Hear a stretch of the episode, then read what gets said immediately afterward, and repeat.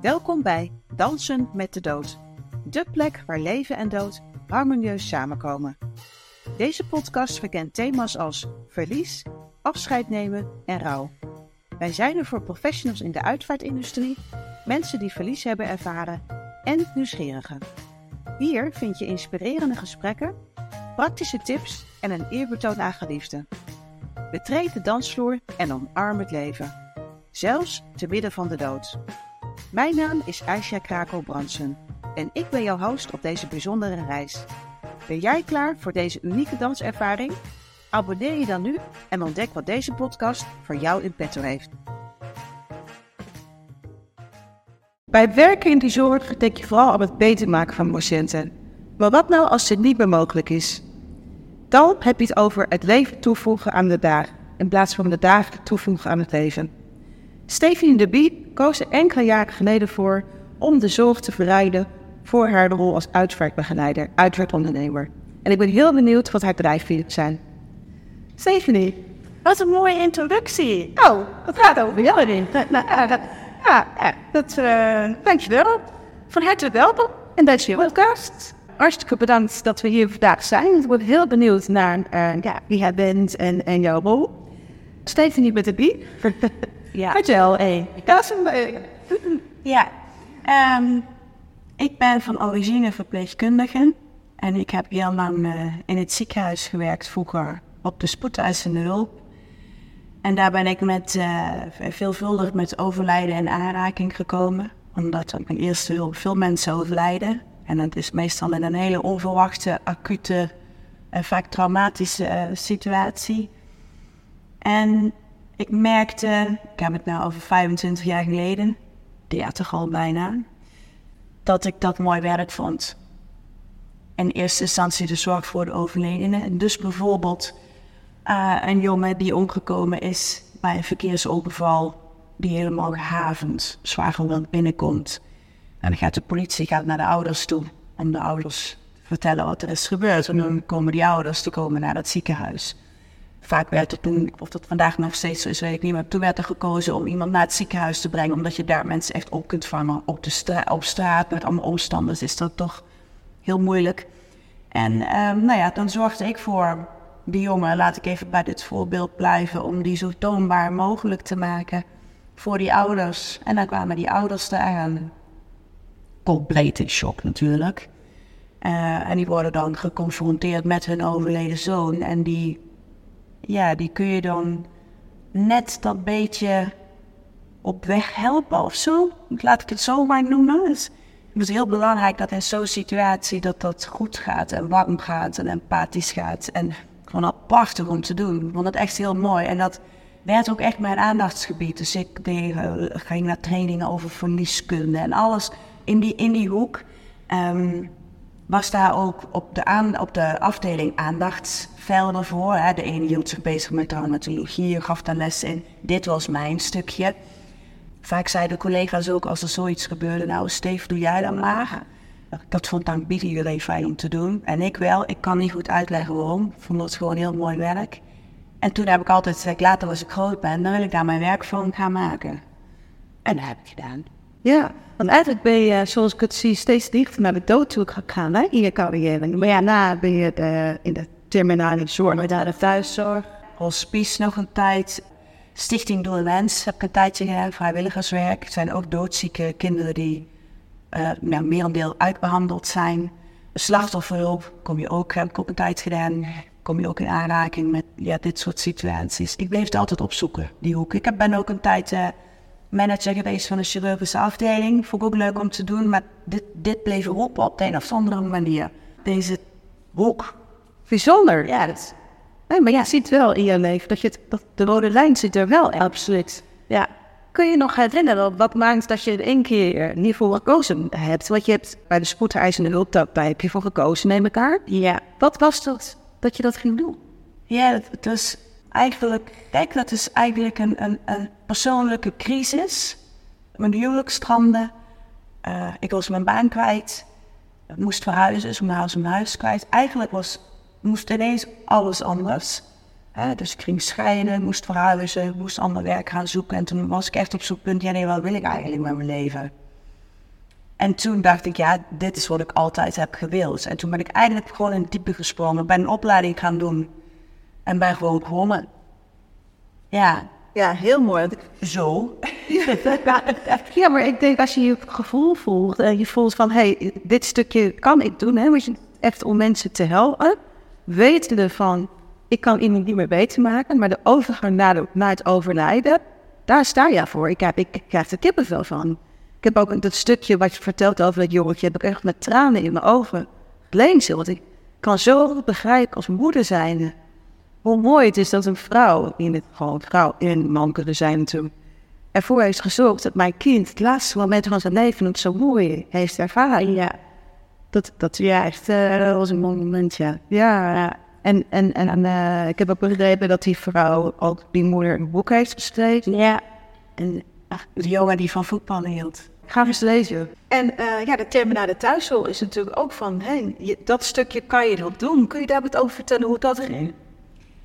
Ja, dat zijn mensen die, een merendeel van de mensen zijn ook mensen met kanker, die een traject in het ziekenhuis hebben gehad met eh, vaak jarenlang allerlei behandelingen. Van alles geprobeerd, chemobestraling, immunotherapie, weet ik wat allemaal. En op een gegeven moment is alles geprobeerd en laten bijvoorbeeld scans toch zien dat het ziekteproces niet te stoppen is. Eh, dan gaan mensen vaak al een palliatief traject in voor levensverlengende behandelingen, maar op een gegeven moment stoppen ook die. Dan is er gewoon niks meer aan te doen. Of worden de behandelingen zo, zo vervelend te ervaren, dat de kwaliteit van leven zo vreselijk achteruit gaat dat mensen ook zeggen van nou, stop maar. En dan hebben ze nog een bepaalde periode thuis. Ik heb dus in een terminale thuiszorg gewerkt waarbij mensen vaak ja, al in een bed liggen, in de kamer, beneden. En ehm, palliatieve sedatie krijgen, veelal. En dan begeleid je dan, dan zo'n, niet alleen de patiënt, maar met name ook degene die die achterlaat na dat overlijden toe. Dat is ook altijd heel intens. Ja, precies. Want alle emoties worden. Het werken begint dan na het overlijden. Maar ze hebben natuurlijk een heel traject al van ja, daar ja, aftaken van hun geliefde. Ja. Kun je een verschil aangeven tussen wanneer iemand thuis overlijdt of wanneer iemand springt? Ja, zonder te willen oordelen, ehm, gun ik iedereen de thuissituatie. Omdat dat natuurlijk het fijnste is om in je eigen omgeving te kunnen overlijden. Maar soms is dat niet mogelijk, omdat eh, het vangnet dat niet volhoudt. Nou het, het gezin moet doordraaien. Eh, kinderen moeten naar school kunnen blijven gaan. Eh, misschien moet de moeder wel blijven werken, je weet het niet. Eh, als vader ziek is, eh, van vader van de kinderen, hoe, ja, hoe, hoe doe je dat dan? Soms is dat gewoon niet mogelijk. En dan is een hospice natuurlijk een fantastisch alternatief. Geweldig dat dat in Nederland kan. Maar het is natuurlijk het mooiste als dat in de thuisomgeving eh, kan. En hoe zie je dat dan bijvoorbeeld terug in het rouwproces na het overlijden? Iemand is overleden, zie je daar ook nog een verschil tussen? Of iemand is gestorven in een hospice of thuis? Nou, in een, in een hospice, als mensen in een eh, hospice liggen, dan zijn de nabestaanden er eigenlijk al aan gewend dat die uit huis is. Daar zijn ze al aan gewend, want je gaat naar een hospice ja, met de bedoeling om niet meer thuis te komen. En want je gaat daar naartoe om te overlijden. En eh, daar zijn mensen al gewend aan het feit dat iemand uit huis is en ze eh, naar elders moeten om diegene nog te bezoeken. En thuis is dat heel anders, want dan is iemand, blijft tot het laatst thuis. Vaak worden mensen dan ook nog thuis opgebaard. En dan komt de dag van het afscheid en dan is het ineens, boem, over, voorbij. Dan is hij ineens weg. Dus voor het loslaten eh, van mensen lijkt het net alsof een hospice daar al een beetje in helpt of zo. Ja, ja. Zo weer een stap dichterbij naar het worden mij. Ja, Of ja, Ja, dus eigenlijk ja, het zijn twee compleet verschillende ervaringen. En ieder ervaart het natuurlijk ook veel op zijn eigen manier. Hè? Hij heeft ieder zijn eigen, eigen beleving bij. Zou je een voorbeeld kunnen doen wat jou is echt de spijt gebleven? En eh, ja, het is misschien een persoonlijke vraag voor degene die het betreft. Maar ja, een afscheid waarvan je denkt, ja, die, dat is wel me echt bijgebleven. Ik wil eigenlijk weer het, het stervensproces voor iemand. Nou, ik heb het één keer meegemaakt in in de terminale thuiszorg. Dat er was een mevrouw en die ging vreselijk hard achteruit. Maar die wilde nog van alles bespreken met haar familie. Er waren allerlei issues. Een gedoe met echtgenoot, ruzie met kinderen. Over haar overlijden wilde ze het niet hebben. Want ze had zoiets van, zolang ik het er niet over heb, is het er niet. Maar iedereen zag dat dat toch echt met rassenschelen dichterbij kwam. Maar zij moest dingen nog uitpraten. En nou ja, dan probeer je iemand daar een beetje in te begeleiden. Maar die was heel star in dingen. En het is uiteindelijk, lang verhaal eh, kort samengevat, is het zo gegaan dat ze alles niet meer heeft besproken. En het ook volstrekt onbekend was wat haar wensen waren. Het was niet eens bekend of ze begraven of gecremeerd eh, wilde worden. Maar zij bleef dingen uitstellen. En liet zich ook niet helpen. Was daarin niet te, te, ja, te coachen of te steunen of wat dan ook. En uiteindelijk is ze overleden. Met al die open eindjes. Ja, dat vond ik echt heel lastig. Ja, want de wat doet het met jou als je denkt van ja, ik ga niet naar uitspraak moeten doen, ik kan mijn moeder.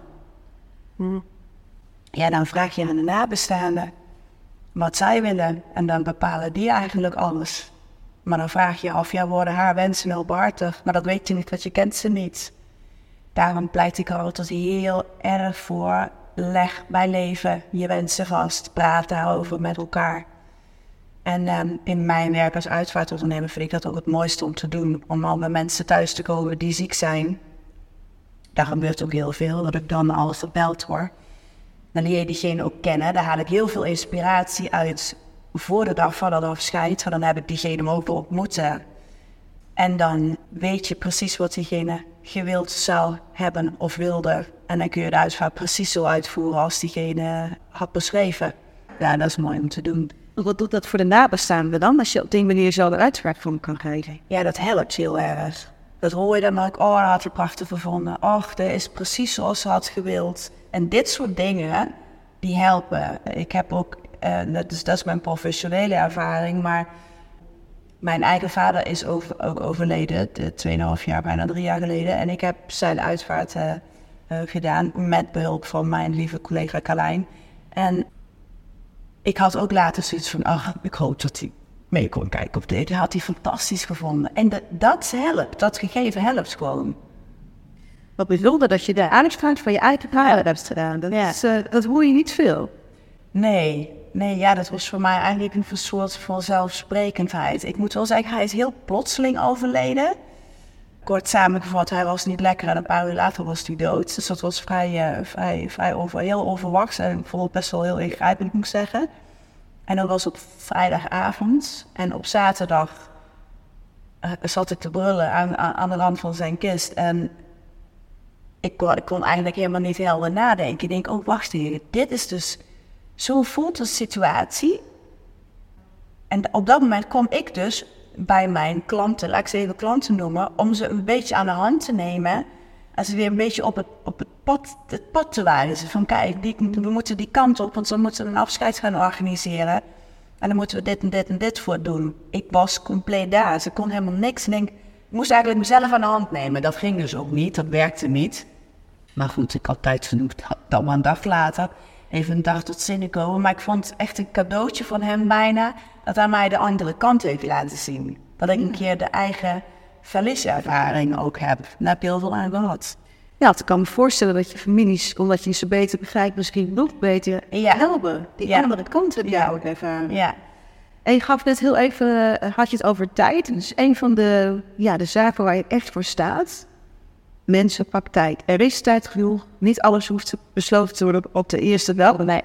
Waarom is dat zo belangrijk voor je?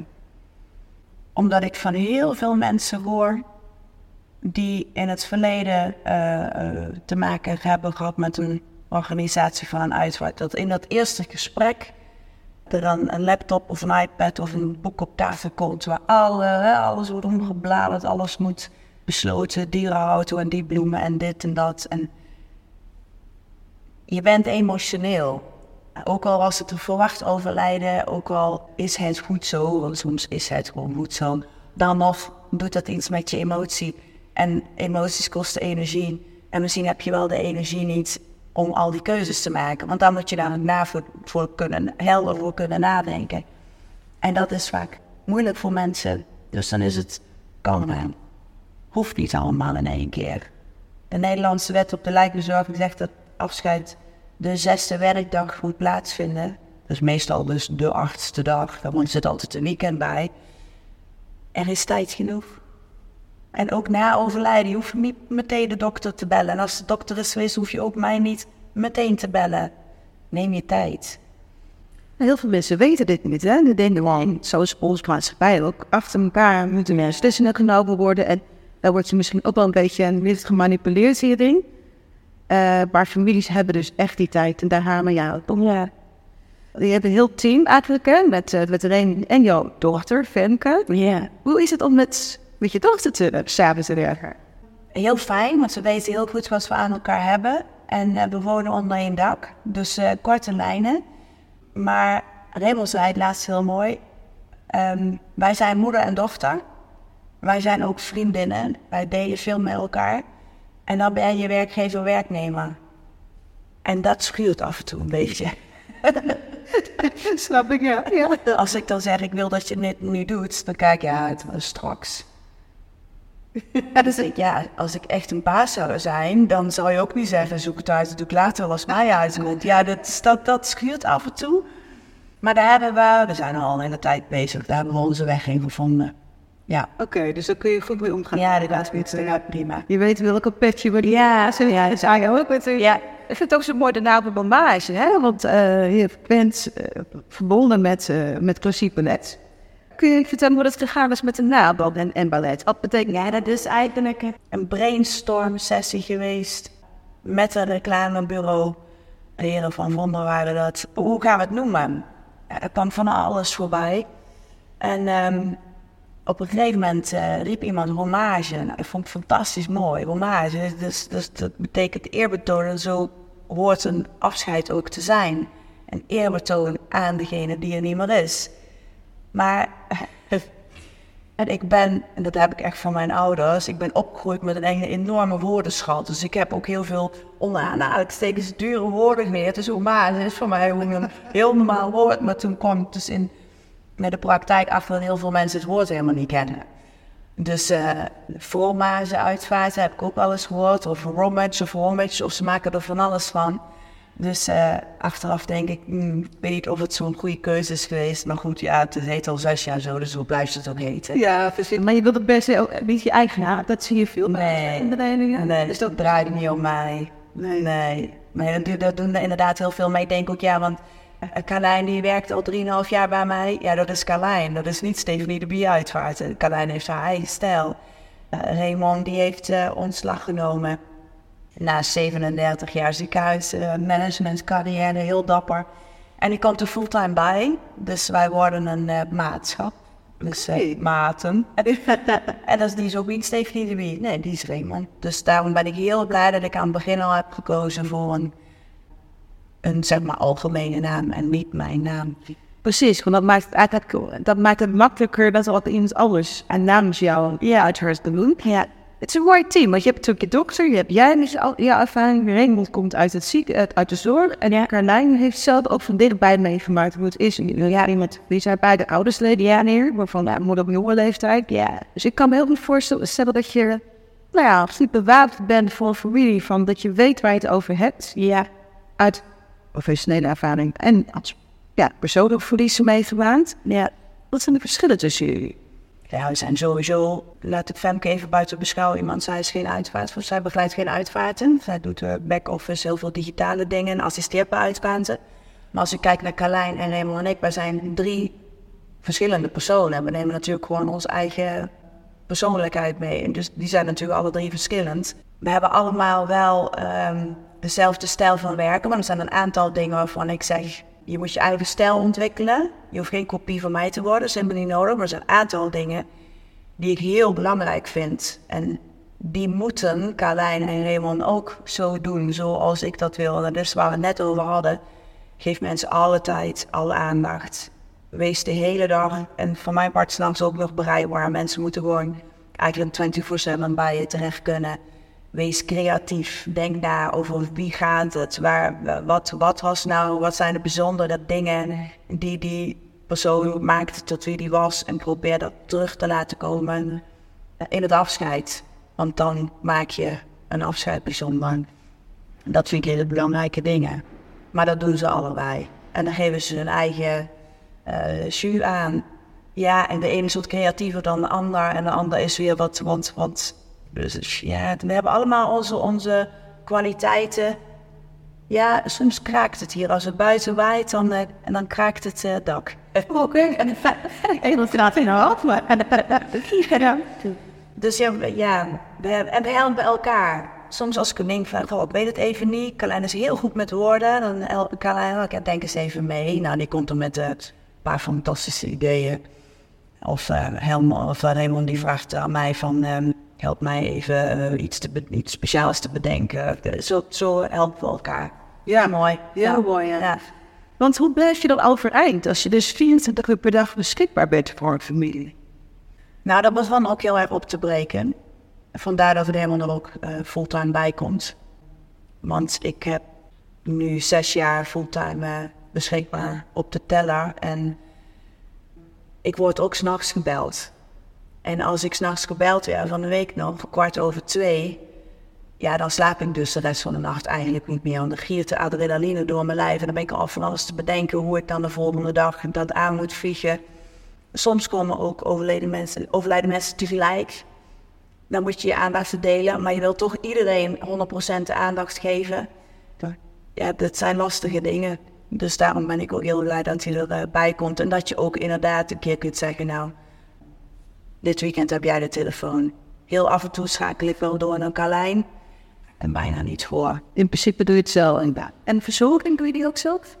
Dat deed ik in het begin wel. Dus nu komt het wel eens voor dat ik bijvoorbeeld zes jaar geleden verzorging heb gedaan voor iemands moeder. En nu is vader overleden, dat mensen omvragen. Dan doe ik het dan in principe. Heb ik daar nu een fantastisch team voor. Ik werk eh, samen met Funeral Assist. En die doen dat op een fantastische wijze. Het is lastig als iemand net overleden is. Die wil die familie aandacht geven. Want die willen hun verhaal kwijt. Maar je moet ook voor die overledene zorgen. Tegelijkertijd moet je ook denken, ja, maar we moeten ook nu een crematorium of een begraafplaats of een, een restaurant of een boerenschuur of weet ik veel wat gaan boeken. Hè? Allerlei puzzelstukjes die dan in elkaar moeten passen voor dat afscheid. En als je dan ook nog de verzorging doet, dat is, dan ben je met heel veel dingen tegelijkertijd bezig, waardoor je eigenlijk aan niks de volle aandacht kunt geven. Dus namelijk op een gegeven moment gezegd, ik moet dat niet meer zelf doen. Dus ik besteed dat nu uit aan echt hele fijne mensen. Daar ben ik heel tevreden over. En ik hoor ook altijd terug van um, nabestaanden dat ze heel blij waren hoe, dat, hoe ze dat hadden gedaan. Dus ik ja. gewoon samen met, uh, met de goede partij daarvoor. Ja, heel mooi. Nee. Als je kijkt naar een uitvaart, hè, wat, wat zijn uh, facetten van je denkt, een familie zou dit eigenlijk moeten weten. Heel veel mensen weten het niet. Hoe, hoe is een uitvaart voor elkaar hebben?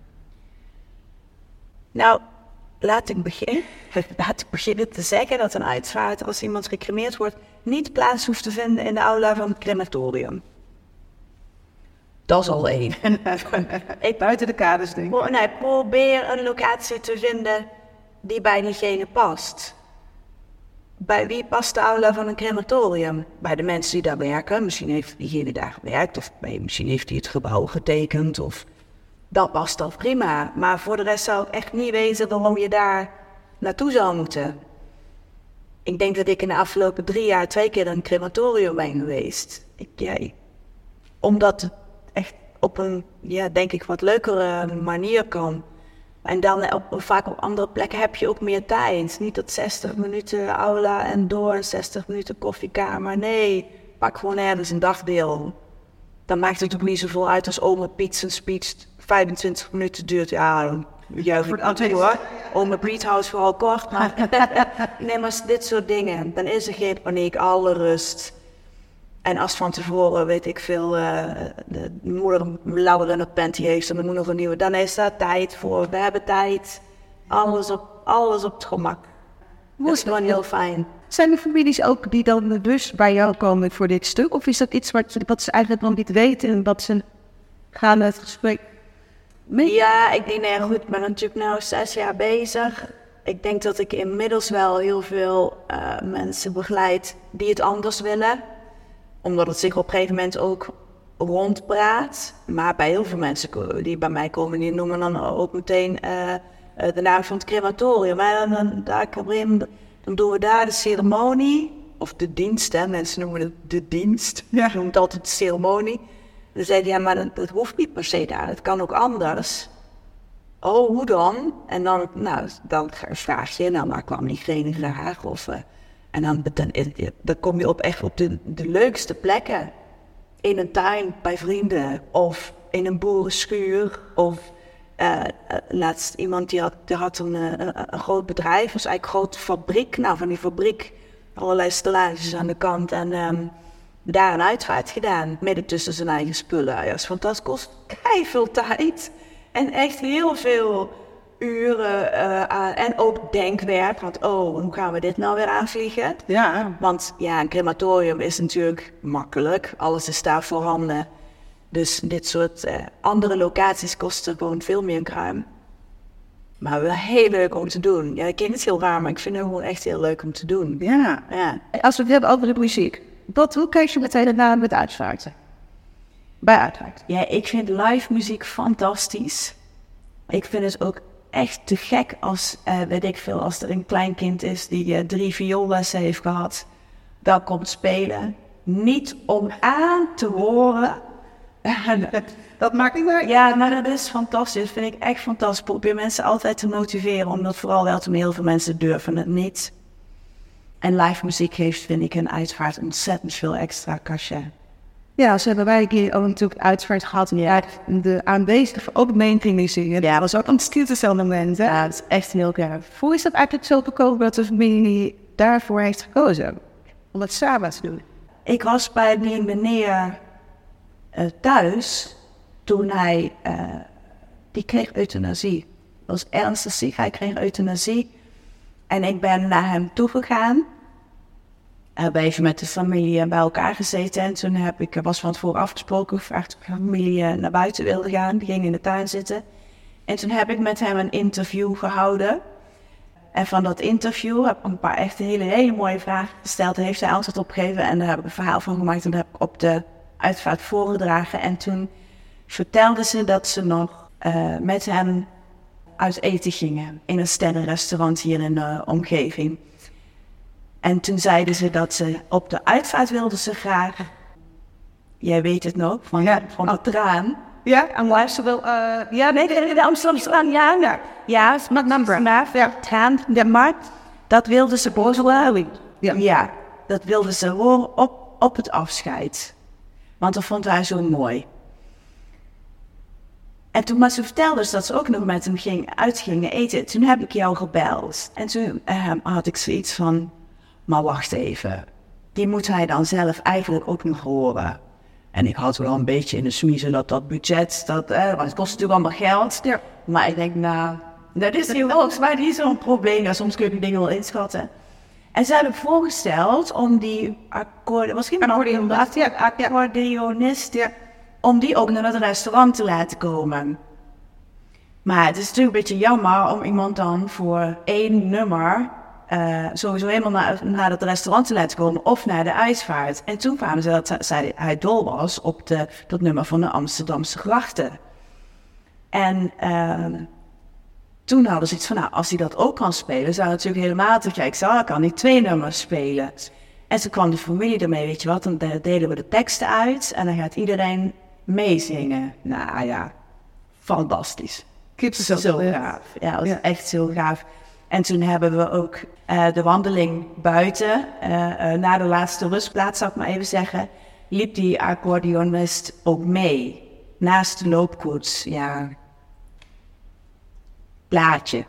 Ja, dat klinkt allemaal heel romantisch en is natuurlijk niet, was hartstikke verdrietig, maar dit zijn wel de dingen waar je later met een heel warm hart op terug kunt kijken.